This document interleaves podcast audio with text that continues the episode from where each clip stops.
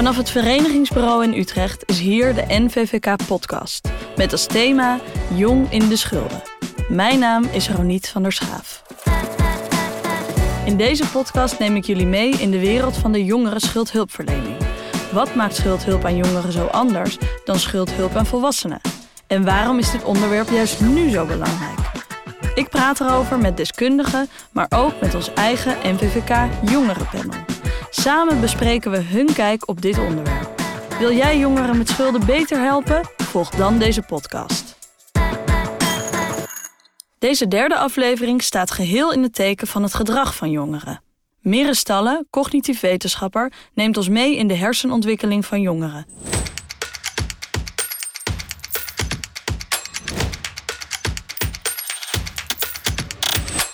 Voor mij zit Mirre Stalle. Zij werkt zowel in de wetenschap als in de praktijk van armoedeinterventies. Dit doet zij bij de Universiteit Leiden als psychologe met een neurowetenschappelijke achtergrond. Bij de Hogeschool van Amsterdam werkt ze bij het lectoraat armoedeinterventies. Hier wordt samen met gemeenschappelijke partners en andere organisaties interventies ontwikkeld en geëvalueerd. Welkom Mirre, leuk dat je er bent. Dankjewel. Zoals bij iedereen uh, leg ik jou ook vijf dilemma's voor. Hier komen ze. Zijn hulpvragers slachtoffer van slimme commerciële partijen of kunnen hulpvragers niet met geld omgaan? Antwoord 1. Zijn hulpvragers slachtoffer van slimme commerciële partijen? Iemand met 500 euro schuld gelijk helpen of zelf laten oplossen? Voor beide zijn wat te zeggen in sommige gevallen, maar als ik moet kiezen, dan zeg ik uh, toch gelijk helpen, met name bij jongeren. Welk belang staat voorop in het schuldenregelen? Het belang van de schuldeiser of de hulpvrager? Um, de hulpvrager. Kan ik straks toelichten, maar daar zou ik nu voor kiezen. Jongeren die niet rondkomen, gratis geld geven of intensief vangnet bieden? En hier zeg ik echt allebei. Uh, voor allebei, allebei zijn echt uh, goed. Kan ik ook toelichten. Maar hier kan ik niet tussen kiezen. Jongeren denken op korte termijn.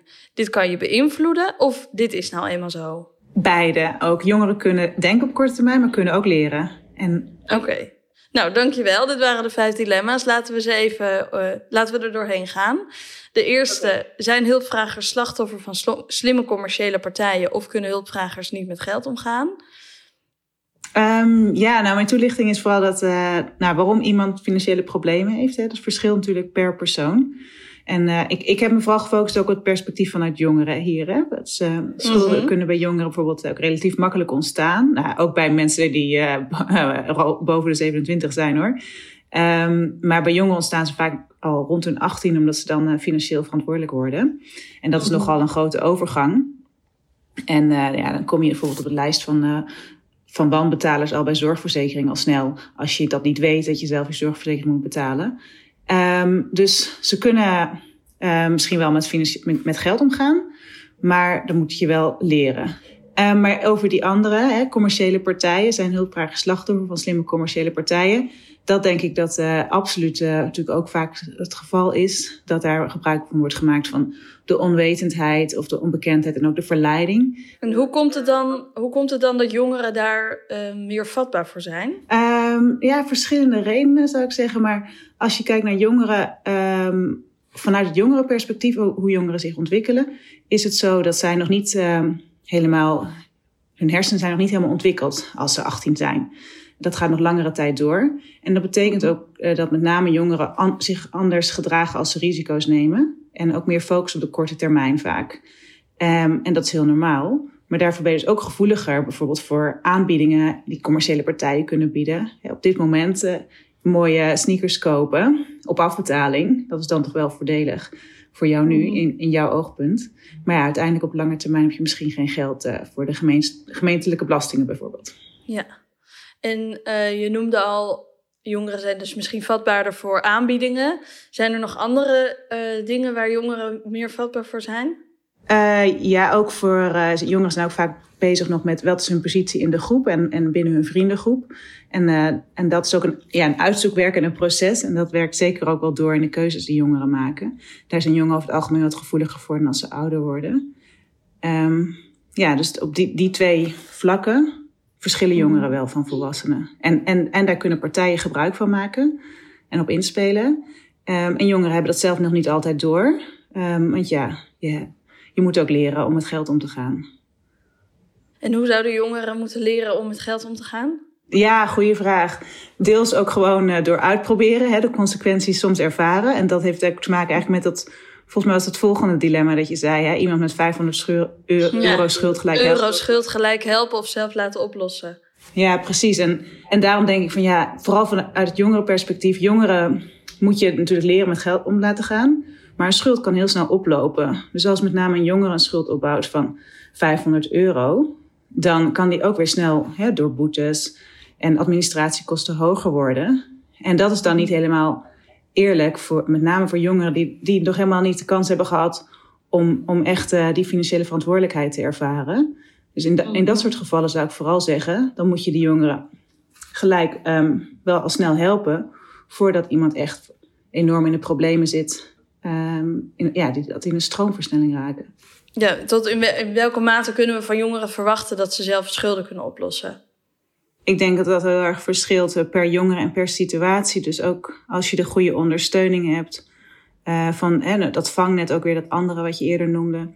Um, dat je daarbij geholpen wordt en weet waar je heen moet en, en, en kan voorkomen dat schulden groter worden. Dat is, dat is het allerbelangrijkste. Dus ja, ik denk gewoon bij jongeren moet je vooral echt oppassen dat, dat schulden als ze klein zijn al worden aangepakt. En, en echt niet uit de hand laten lopen. Ja. En hoe, en hoe kan je dat um, uh, gemeenten hebben de, de moeilijkheid dat ze vaak moeten kiezen wie ze helpen. Ze kunnen niet iedereen helpen vanwege beperkte middelen. Um, ja. hoe, kunnen, hoe kunnen gemeenten met een kleine inspanning al um, groot resultaat bereiken bij jongeren, denk je?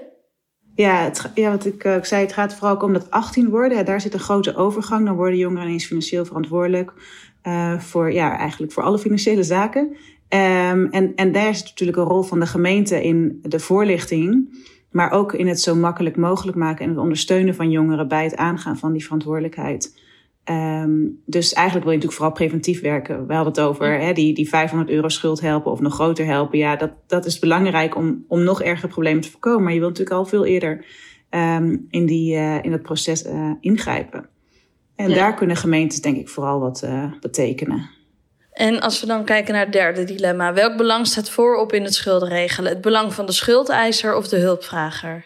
Als iemand schulden heeft, is natuurlijk veel, vaak veel meer aan de hand. Um, er, er, is een traject aan vooraf gegaan. Er gaat gepaard ook natuurlijk met veel stress. De situatie van die schulden, die uh, maken van ook vaak van alles uh, los. En ik denk dat het heel belangrijk is om um, bij het behandelen van schulden ook wel uit te gaan van de situatie waar iemand in zit. Um, en nu, nu zijn er natuurlijk he, al, en je kan niet iedereen, je kan niet maatwerk bieden voor iedereen. Dat snap ik wel. Maar ik denk wel dat er meer kan worden gekeken naar wat um, schulden met iemand doen en welke stress dat veroorzaakt en ook hoe je hoe die stress eigenlijk je leven ontregelt en het ook moeilijk maakt om aan bepaalde voorwaarden soms te voldoen. En daar is niet altijd voldoende oog voor nu nog in de, in de wetgeving, in de regelgeving rondom die schulden. Dus er wordt onvoldoende gekeken naar het totaalplaatje van iemand ja. als persoon. Ja, en ook dat er toch nog onverwachte omstandigheden kunnen optreden. Dus zelfs als er een afspraak is gemaakt tussen een schuldeiser en een, een uh, afbetaler, en dan kan iemand nog te maken krijgen op, bovenop de situatie waar iemand zit, bijvoorbeeld met een onverwacht extra overlijden of toch nog een scheiding. En dat ontwricht natuurlijk ook weer de situatie. En als er dan, dan op zo'n moment kan je misschien niet meer de afspraken uh, nakomen die je eerder hebt gemaakt. En mm -hmm. dan moet niet de consequentie zijn dat je uh, ja, officieel het traject uit zou worden gegooid en dan ook niet meer mag terugkomen. Maar dan moet dat. En hoe zou, ja. de, hoe zou de schuldhulpverlener daar dan mee moeten omgaan?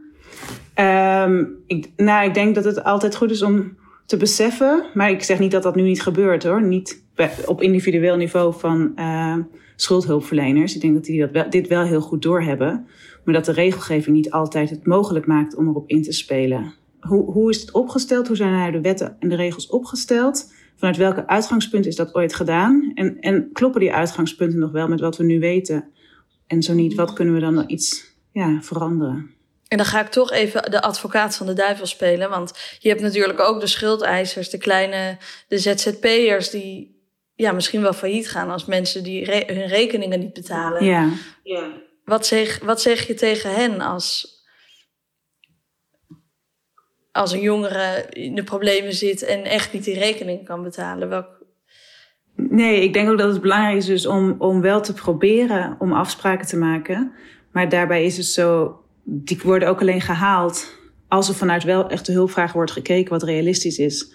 Met als doel natuurlijk wel om aan de, ja, de eisen te voldoen. Ook, want die schulden die zijn ook weer de gevolgen voor iemand anders die vervolgens dat geld niet heeft. Dus het is natuurlijk echt een balans. Maar ik denk dat bij het zoeken van die balans er nog iets meer gekeken kan worden naar de hulpvrager.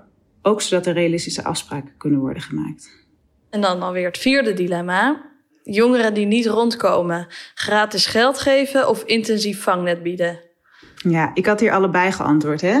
Ja. ja, omdat ik het allebei heel belangrijk vind. Dat intensieve vangnet is enorm belangrijk.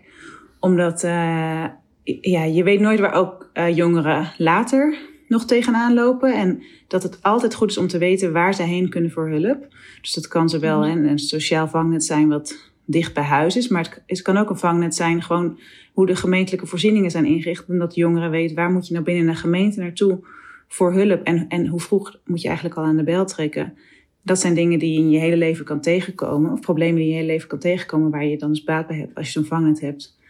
Daarom vind ik die heel belangrijk. Maar die andere optie was van dat gratis geld. Hè? En um, dat uh, relateert aan waar we het net over hadden. Van ja, um, je moet ja, voorkomen dat grote schulden iemand over de kop groeien. Dus uh, daar gaat het dan vooral om, dat je dat wil voorkomen. Dus het zijn eigenlijk twee manieren naar een goed einde, hoop je. Of naar het voorkomen van ellende. En uh, wordt natuurlijk, er wordt natuurlijk de laatste tijd veel gesproken over een basisuitkering.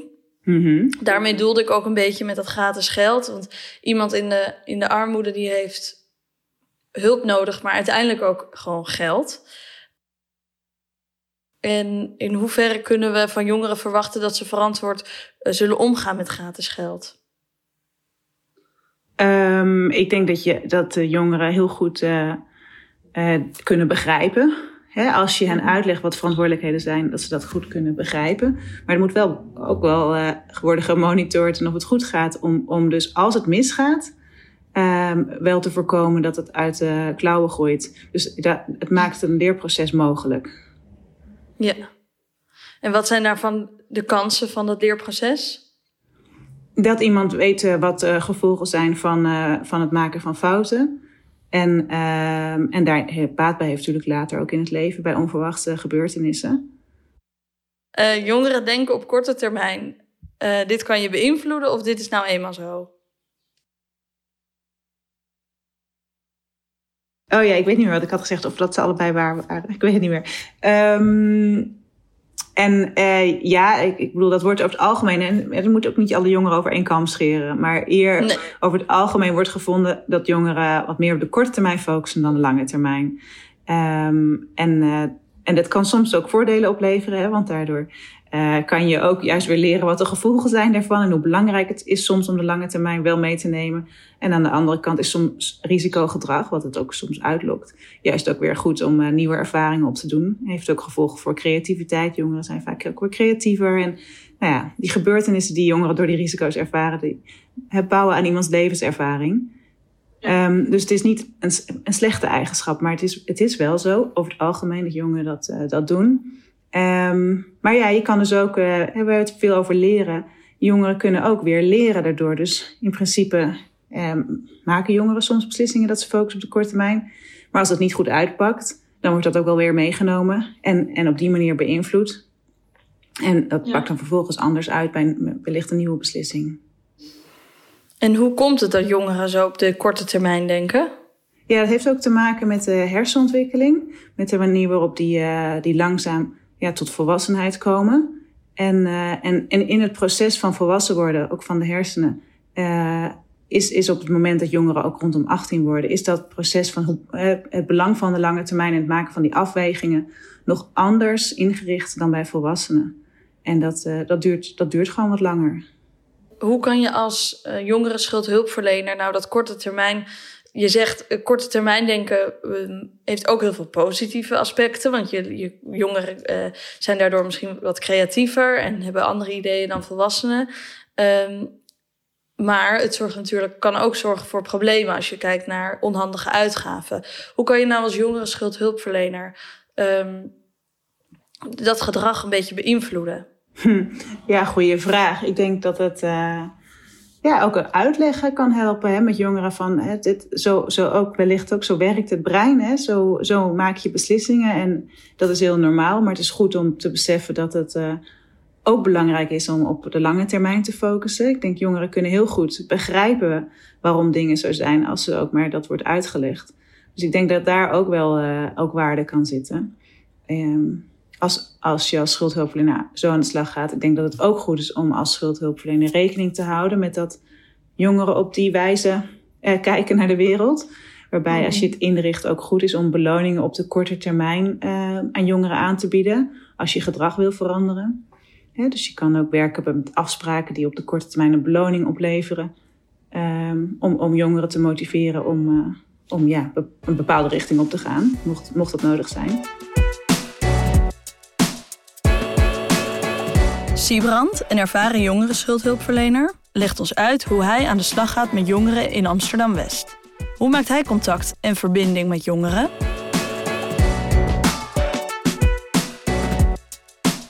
Voor mij zit Siebren, ook wel Siep genoemd. Hij is een ervaren jongerenschuldhulpverlener. Hij werkt 9,5 jaar bij de afdeling intensieve jongerenschuldhulpverlening voor Puur Zuid.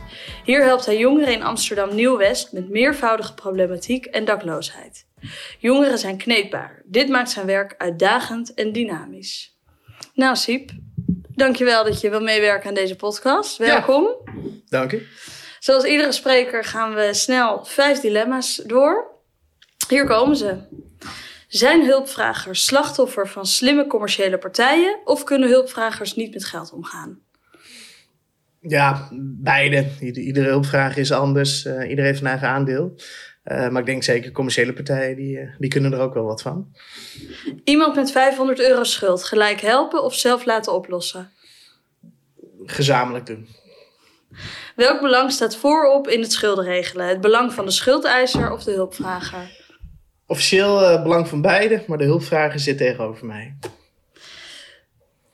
WhatsApp of mail? WhatsApp. Wie legt er beter contact? Een professioneel maatschappelijk werker of een ervaringsdeskundige?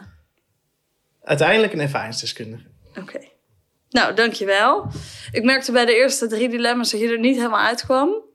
Laten we gelijk met de eerste beginnen. Um, zijn hulpvragers slachtoffer van slimme commerciële partijen of kunnen hulpvragers niet met geld omgaan? Um, wat ik zie is dat bekende merken weten vaak jongeren goed te verleiden tot dure aankopen. Uh, wat merk jij daarvan bij jongeren? Uh, nou ja, jongeren, ja, dat, dat gebeurt. Mm -hmm. jongeren houden het graag naar de stijl hoog. Um, inderdaad, ze willen ook niet graag dat je ziet dat ze schulden hebben. Mm -hmm. uh, dus ze zijn zeker verleidbaar. Nou, dat past ook bij de leeftijd. Ja. Um, de andere kant is denk ik, door er zo naar te kijken, maakt het heel klein. Als je gaat kijken, de jongen die wij helpen, um, ja, dat, dat zit alles. Dat zit van de jongen tot een waaijong tot een universitaire student. Mm -hmm. um, en da daar zit ook wel een eigen aandeel in. Ja, slachtoffer vind ik een rotwoord. Ik denk, als je ze zo gaat benaderen, uh, dan zet je de hulpverlening ook heel raar in. Uh, dan sta ik boven jou, jij bent de slachtoffer en ik ga je helpen. Mm -hmm. Terwijl het liefst doe ik de hulpverlening in gezamenlijkheid. Wat je wel merkt inderdaad, en zeker ook wel bij commerciële schuldeisen, dat ze wel steeds meer ook hun verantwoordelijkheid pakken. Okay. Kijk, de ellende zit, dat zit vooral aan de achterkant. Mm -hmm. uh, dat mag nog veel meer naar de voorkant. Ja. Ik denk, ja, het is onzinnig dat je een creditcard kan nemen als 18-jarige. Ja. Maar ik denk ook, ja, weet je, de jongen is er ergens ook zelf bij. Dus ik, ik zal hem ook altijd wijzen op zijn keuzes. Ik denk, daarmee maak ik niet de slachtoffer van je. Uh, maar er zit ook een eigen keuze in. En je hebt wat onhandige keuzes gemaakt. Mm -hmm. En het volgende dilemma: iemand met 500 euro schuld gelijk helpen of zelf laten oplossen? Ja, nou ja, die, iemand die bij mij komt, die vraagt om hulp. Ja. En ja, weet je, ik, ik vind niks zoals onzinnig dat iemand zich bij mij meldt. Uh, ik heb een schuld, uh, ik heb last van die schuld, ik heb mm -hmm. daar iets mee. En dat ik dan eerst roep, ik ga je helpen door, ga het zelf maar even uitzoeken en kom ja. dan terug. Uh, dat kun je ook gezamenlijk doen. En ook in de spreekkamer kan iemand zelf bellen met een schuldeiser. Oké, okay. doe je dat wel eens? Ja. Laat je dat een jongeren wel eens doen? Ja, nee, in principe wel inderdaad. Uh, er was vroeger hadden we daar meer tijd voor dan nu. Mm -hmm. En onze caseloads zijn inmiddels ook wel wat gegroeid. Maar in principe, uh, als een jongen dat wil, uh, doen we het gesprek hè, of samen. Ik introduceer de jongen, hij doet zelf het gesprek. Mm -hmm. maar uiteindelijk is het doel van de hulpverlening wel dat hij zonder mij verder gaat. Oké. Okay. En hoe reageren schuldeisers als jongeren zelf bellen? Ja, wisselend. Dat, uh, dat, dat maakt het ook wel ellendig voor jongeren. Uh, want zeker alle jongeren proberen eigenlijk altijd wel contact te zoeken. Mhm. Uh, wat je zeker merkt in het eerste contact, hè, wat ze hebben met een klantenservice of een incassobureau. Um, dat die vrij vastzitten aan dit staat in mijn handboek en er kan niks. En wat voor jongen ook lastig is, want als ik dan bel vanuit schuldhulpverlening, kan ineens een heleboel wel. Mhm. Um, en dat maakt ook dat ze een lastige ervaring hebben. Inderdaad, en soms ook wat gefrustreerd zijn en uh, iets minder aardig reageren op een incassobureau of deurwaarder. Ja. Maar zeker dus frustratie, ja, daar moet je aandacht voor hebben. Mhm. Uh, die is er niet voor niets, er zit vaak wat achter. Ja. Uh, als je merkt hè, dat, het, dat ze het instrumenteel inzetten, dan probeer ik het wel af te kappen. Ik denk, ja, dan ga je doel behalen om hard te schreeuwen. En ja, daar heb ik niks aan, daar heb jij uiteindelijk niks aan. Oké. Okay. Gemeenten hebben vaak niet de capaciteit om alle jongeren te helpen. Uh, hoe helpen jullie jongeren met kleine schulden? Uh, nou, wij hebben in ieder geval een jong financieel café. Hè, Mhm. Dus uh, Puur Zuid of inmiddels buurt in Amsterdam. Moet je Ja. trouwens officieel zeggen. er zijn een aantal inlopen. En de inloop is in principe vrij voor iedereen. Iedereen kan er binnenkomen. En dus met corona is dat allemaal heel anders gelopen. Is het Ja. vaak digitaal contact. Ehm, ja, ik heb de luxe dat ik werk in Amsterdam. Dus Ja. eh, bij ons eh, worden we beter gefaciliteerd. Eh, er lopen ook een heleboel jonge schuldhulpverleners rond inmiddels in Amsterdam. Ja. Uh, en ik denk dat het ook aan de hulpverlener is om iemand gewoon uit te nodigen. Kijk, in principe mag ik iedereen een intakegesprek geven. Ja, en soms is het dan, als ik dan merk, ja, er is 500 euro. Nou, laten we het dan maar afmaken. En dan registreer ik later wel, was het toch eigenlijk niet voor ons. Um, ik denk, ja, je kan de keuze maken als gemeente of als hulpverlener. Ja. Kom maar terug of ga maar naar een vrijwilliger. Um, als het erger is, maar ja, dan ben je er uiteindelijk meer werk aan kwijt. Oké. Okay. Ja, het is, het is vaak is het nooit alleen 500 euro. Nee. Ze komen inderdaad wel binnen met een rekening van 500 euro. Ja. Nou, dan ga je eens in gesprek met elkaar.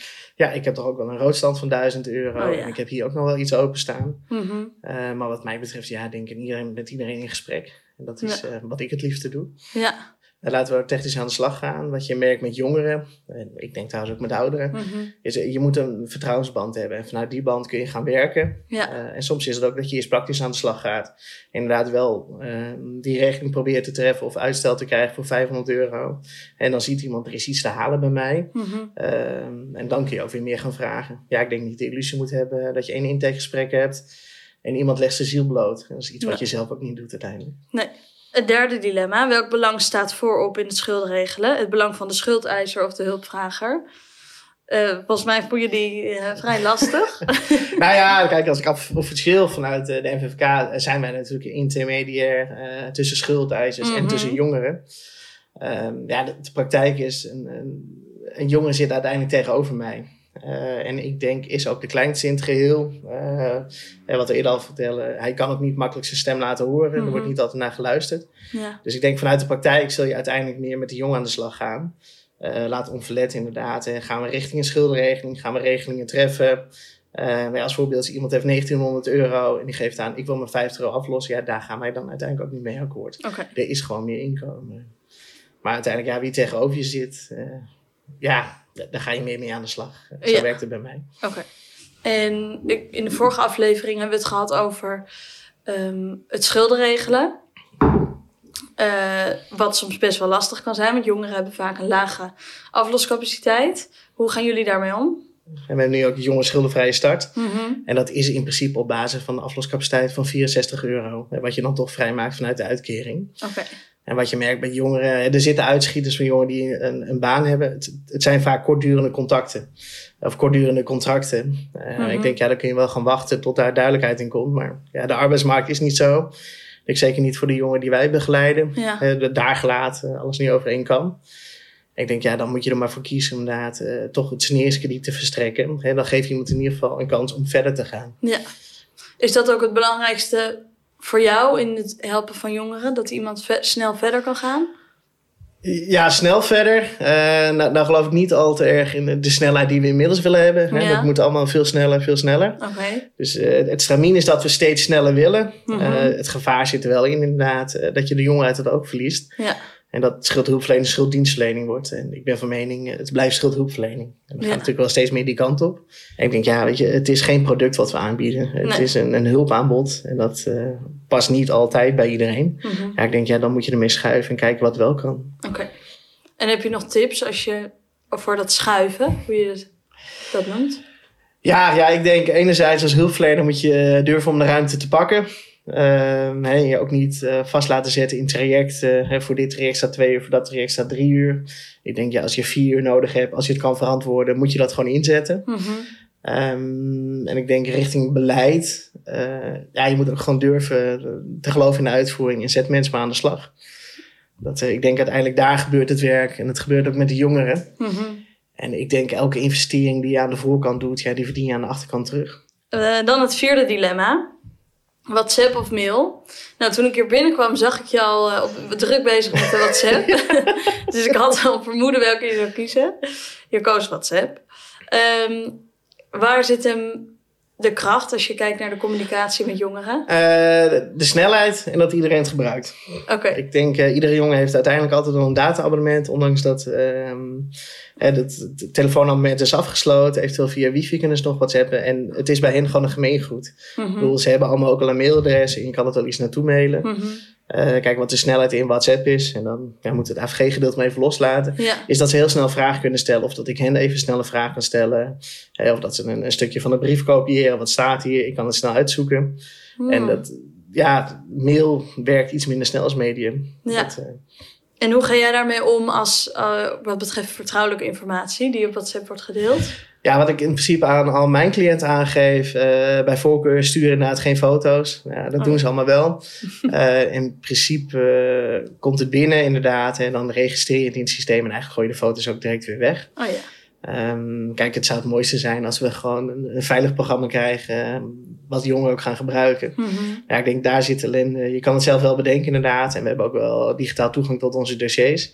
Ja, zij stappen gewoon terug op Facebook en Snapchat. Ja. Ik denk, ja, daar zal uiteindelijk een spanningsveld zitten. Ja, ik, denk het mooiste zou zijn als je een soort enorm goede app hebt waar iedereen in contact met elkaar zit, Mhm. mm -hmm. uh, cliënt dingen kan uploaden.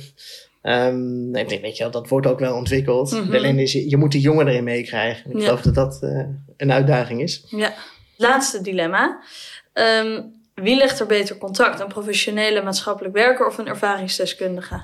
Je zei uiteindelijk een ervaringsdeskundige. Ja, ja uiteindelijk, ik bedoel, ik kan een heleboel vertellen aan een jongere. Uh, ik zal ook altijd eens zeggen, ik denk met je mee. Ik weet niet hoe je voelt en daar ben ik heel blij mee.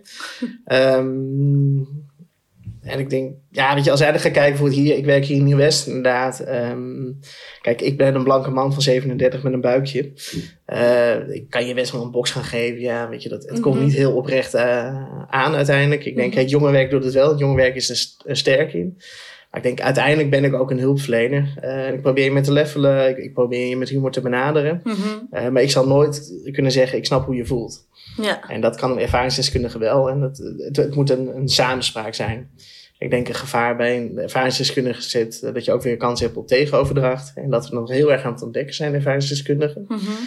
Maar ik denk, ja, zeker ervaringsdeskundig moet je inzetten. Uh, maar dan ook als volwaardig uh, medewerker. Hè, wat in het verleden was vaak vrijwilligers. Mm -hmm. Ik denk, het is een volledige baan. Uh, er is ook een opleiding voor. Dus als je ervaringsdeskundige inzet, ja, dan moet ze ook op de loonlijst staan. En dat, dat, dat, zal, uh, ja, dat, dat moet je gezamenlijk doen. Ik Ja. denk, je team moet uiteindelijk ook divers zijn. Mhm. Uh, en dat zie je hier. Hè. We hebben inderdaad ook een deel van onze collega's komt uit Nieuw-West. Uh, die kunnen een boel meer met de jongen vertellen. Maar ja, ik denk, je moet je gewoon bewust zijn waar je vandaan komt. En uiteindelijk kom ik uit een boerendorp en niet, niet uit een ghetto. Nee. Kijk, ja, dan moet je ook niet zo gaan gedragen. uh, ja, ik zeg nog maar, kom kijken in Amsterdam. Wij doen het al heel lang. Ja. Uh, wij kunnen ook dingen van jullie leren. Mhm. Uh, maar het, het is gewoon een apart vak. Ik denk, Ja. zeker in de intensieve jongensschuldhulpverlening, we hebben nog steeds een i'tje bij ons ervoor.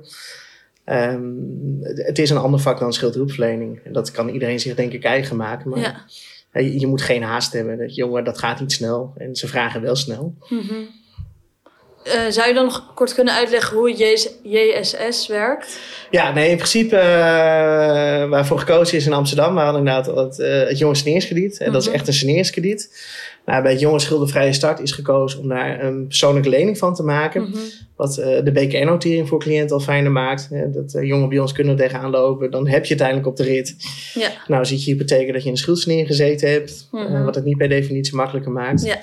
Um, en wat het mooie daar, hè, voor de rest gaat het eigenlijk allemaal hetzelfde. We hebben nog steeds het manco dat we Dio niet meekrijgen als Ja. je in de studentenzien zit. Daar moeten we ook iets mee. Uh, maar het fijne aan het JSS is, uh, er wordt uiteindelijk, uh, de schulden worden geregeld. Bij ons doet de gemeente de 750 euro bij, om toch ook Mhm. de schuldeisers alsnog mee te krijgen. Want Ja. het aanbod is mooier. En een jongen kan eigenlijk geld terugverdienen. Hè, er wordt binnen het JSS gezegd, we werken samen met het jongerenpunt. Ehm, je schulden worden geregeld. We gaan vier doelen opstellen. Uh, en dat kan zijn, er is een doel, als een maatwerk. Dat is voor de ene jongen, uh, je houdt je aan de afspraken, je gaat richting een psycholoog. Voor de andere jongen is je schrijf je in op school. Mhm. En eigenlijk dat, dat doel staat ook gewoon voor drie maanden aflossing. Uh, dus als je een doel behaalt als jongen, gaat er daadwerkelijk drie maanden van je aflossing af. waardoor er ook wat te halen is en een jongen uiteindelijk binnen twee jaar klaar kan zijn met schulden. Ja. En dat is eigenlijk voor het eerst dat je, je wordt ergens al beloond natuurlijk met een kwijtschelding. Mhm. Maar dat we positief insteken, we gaan je schulden regelen en dan moet je ook verder. Ik sluit elke aflevering af met Manna en Daan, twee jongeren die zelf schulden hebben.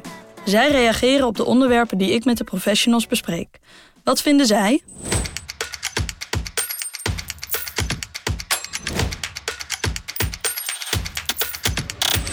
Hebben jullie wel eens iets gekocht wat achteraf gezien een vrij onhandige uitgave was? Heel vaak. Tuurlijk. Wie niet? Videoland, Netflix en nog iets erbij hebben. Terwijl, terwijl, terwijl, terwijl ik al gewoon nog steeds films download wat illegaal is. Maar je bedoelt niet alsof je daar ooit voor gepakt wordt. Dat scheelt mij wel, denk ik, dan 30 of 25 euro bij elkaar. Ja. En uh, ja, hetzelfde geldt dus voor. Ik, een BKR, BKR-registratie bestaat niet voor niks, maar het is zo makkelijk om die BKR-registratie te omzeilen. Dat ik denk van ja, dat is dus verouderd. Hmm. Er moet opnieuw iets uh, ontstaan, waardoor je ook mensen behoedt van het maken van dergelijke misstappen. Ja. Je kan niet, als je in de schulden zit, is het moeilijk om te overzien dat je twee jaar aan een, een vaste betaling vastzit. En op een gegeven moment heb je het geld waarschijnlijk niet meer. Mhm. En dan begint, beginnen dezelfde problemen als weleer. Ja. Dus dat, dat, dat is een stukje preventie waar ik denk, dat moet echt aan gewerkt worden. Ja. Ook afterpay trouwens, weet je wel. ja, daar wilde dat- ik net over ja. beginnen. Heb jij er ervaring aan mee, Manna? Nee, nee, ik doe dat al bewust niet, omdat ik mezelf ken. En ik maar als je in een stressvolle periode zit, of als je in een, toen je in een financieel stressvolle periode zat, ehm, was het dan niet heel. Het, natuurlijk is het wel verleidelijk om te van nou, maar ik, ik ben gelukkig wel zo opgevoed dat ik niet geld uitgeef wat ik niet heb. Ik heb wel af en toe dat ik een winkel binnenloop en dat ik een paar leuke dingetjes zie en dat je bij de kassa komt en dat het eigenlijk toch veel meer is dan je verwacht had. Maar ja, dat afterpay en klaarna en zo, daar behoed ik mezelf heel erg voor. Want Ja. op het moment dat ik het bestel, heb ik misschien wel geld. Maar dan als ik het moet betalen en ik heb het niet... en dan ga ik allemaal, allemaal kosten bij... nee, dat vind ik heel gevaarlijk, dat doe ik niet aan. Nou, verstandig. Jij weet nu van jezelf, oké, ik moet dat echt niet doen, want eh, ik werk mezelf weer in de problemen als ik dat doe.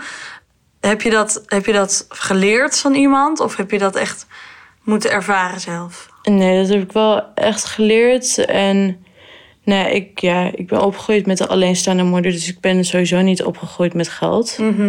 En ik ben sowieso... Ja, wij kringloopten vroeger altijd samen. Dus ik ben al best wel verwend. Als ik nu een H&M binnenloop en ik zie een blouseje hangen voor 25 euro... heb ik echt zoiets van...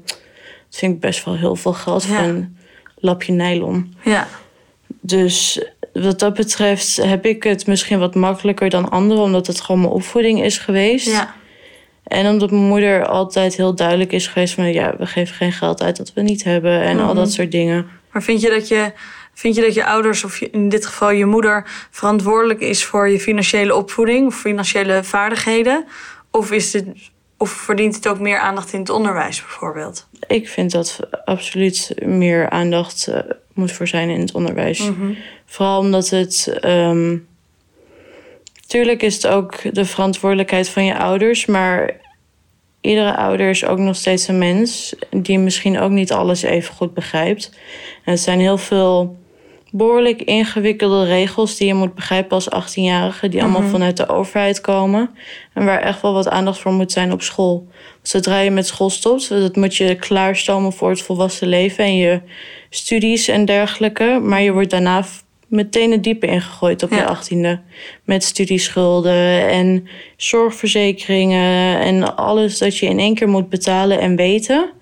Maar ja, hoe goed weet je het nou eigenlijk? Ja, dat is dus denk ik ook al heel erg afhankelijk van je van je opvoeding van je ouders. Absoluut, op het moment wel. Maar daarom is het in het kader van preventie juist heel goed om daar aandacht te geven voor op school. Want als er genoeg kinderen zijn die geen gezonde financiële opvoeding meekrijgen voor hun ouders. En ook al is het maar in het laatste jaar een paar uurtjes in een week of zo, dat je de meest basic dingen uitlegt aan iemand die bijna diep in wordt gegooid en die dat misschien niet van thuis uit mee heeft gekregen, heb je misschien toch wel een paar shieldjes gered van heel veel problemen. Ja.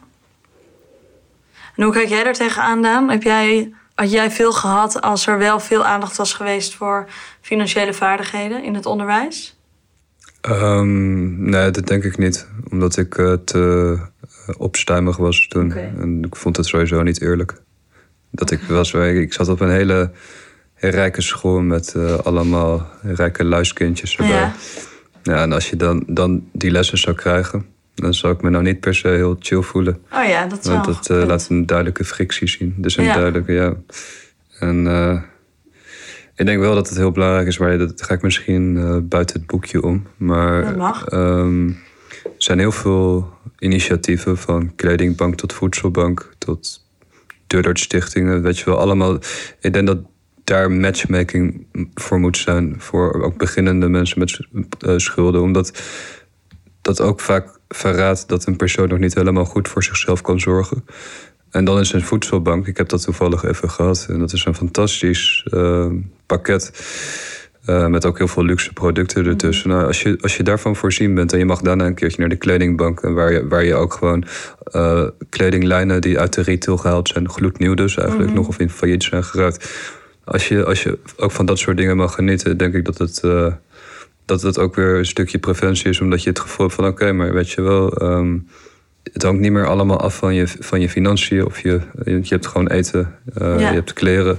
Ja, maar dan... met de voedselbank of de kledingbank, dat is natuurlijk heel goed, Mhm. mm -hmm. maar je leert er niet door. Je, van de voedselbank leer je niet omgaan met geld, denk ik.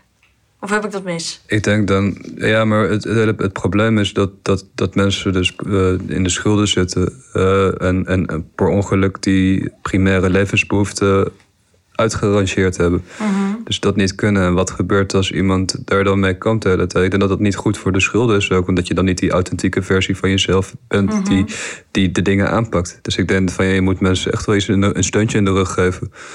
Uh, juist op deze manieren. Um, omdat het dan, uh, ja, het wordt wat, uh, wat fijner allemaal. Ja. En Daan, je begon net over die BKR-registratie. Dat, dat je die heel makkelijk kan omzeilen. Ja. Uh, hebben commerciële partijen de plicht om meer onderzoek te doen naar of jij daadwerkelijk wel dat product kan kopen? Of is de Nee. commerciële partij vrij om het gewoon te vragen en het is ieder zijn eigen verantwoordelijkheid? Nou, want ik denk niet dat die verantwoordelijkheid voor iedereen even reëel is zeg maar, Ja. om te vragen. Omdat je juist, juist eh, op een bepaald moment zoiets hebt van... ja, maar ik, ik wil net zoals iedereen dit hebben, weet je wel. En, en, en er is dus een manier voor. Het is niet Ja. echt handig, Nee. maar ik doe het toch. Ik denk, ik denk dat de BKR... ik- ja, ik, ik hou er helemaal niet van, eh, de BKR-registratie. Mhm. Maar ik denk wel dat het nou, misschien wel effectief is. En al helemaal als je, als je diep in de penarie zit, dat het handig is dat, dat, je, dat je wordt behoed van het maken van zulke, eh, weet je wel, eh, abonnementen. Ja, Ja. oké. Maar dat zal dus gewoon wel beter moeten. Ja. Ja. Dus het is wel de plicht van de commerciële partijen. Ja. Ja. Ja. En de BKR-registratie zou niet te makkelijk moeten kunnen worden omzeild. Nee, of maak het zo makkelijk dat je gewoon alles kan doen wat je niet laten kan. En dan mag, ze- mag de gemeente eh, ze vervolgens allemaal helpen.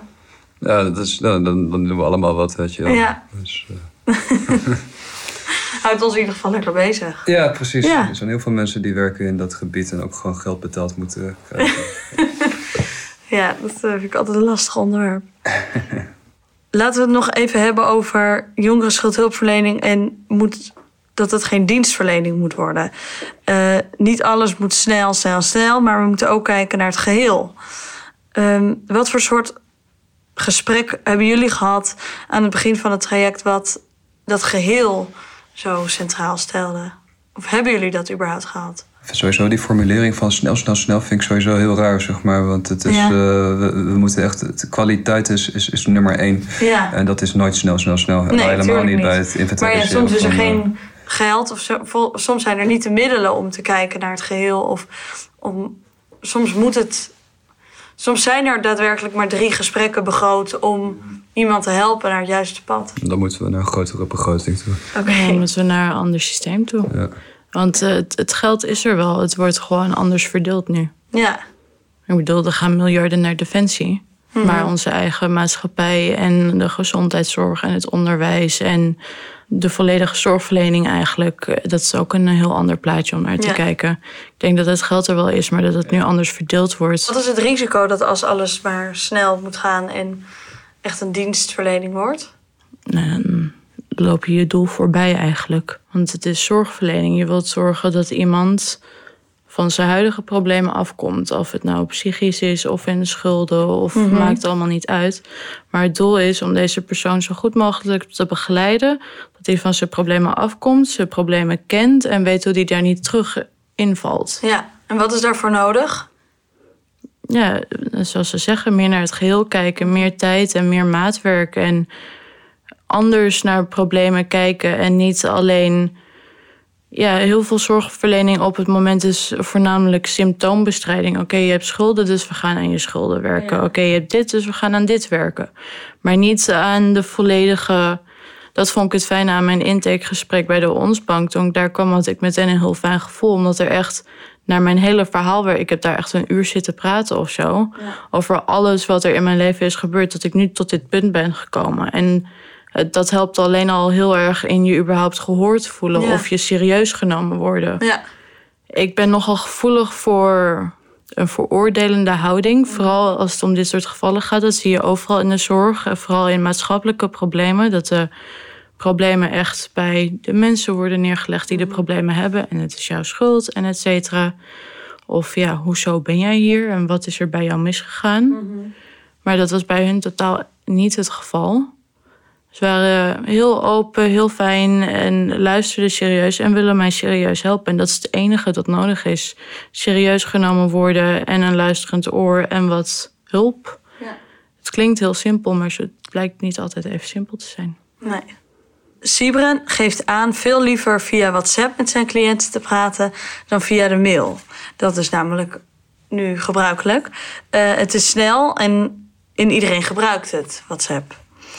Hoe werd er met jullie gecommuniceerd door hulpverleners en wat vond je daar eigenlijk van? Ja, via alles en nog wat. Ik heb met hulpverleners gemaild, gebeld en geappt. En in het algemeen maakt het voor mij persoonlijk echt niet uit. Want je bericht komt bij degene bij wie het bericht moet zijn uiteindelijk. En jij, Daan? Ja, ik sta er wel bij. Van, eh, denk wel dat WhatsApp eh, het, eh, in deze tijd het effectiefst is Ja. op zich. Omdat eh, sommige mensen hun mail niet goed checken. Ik ben daar één van.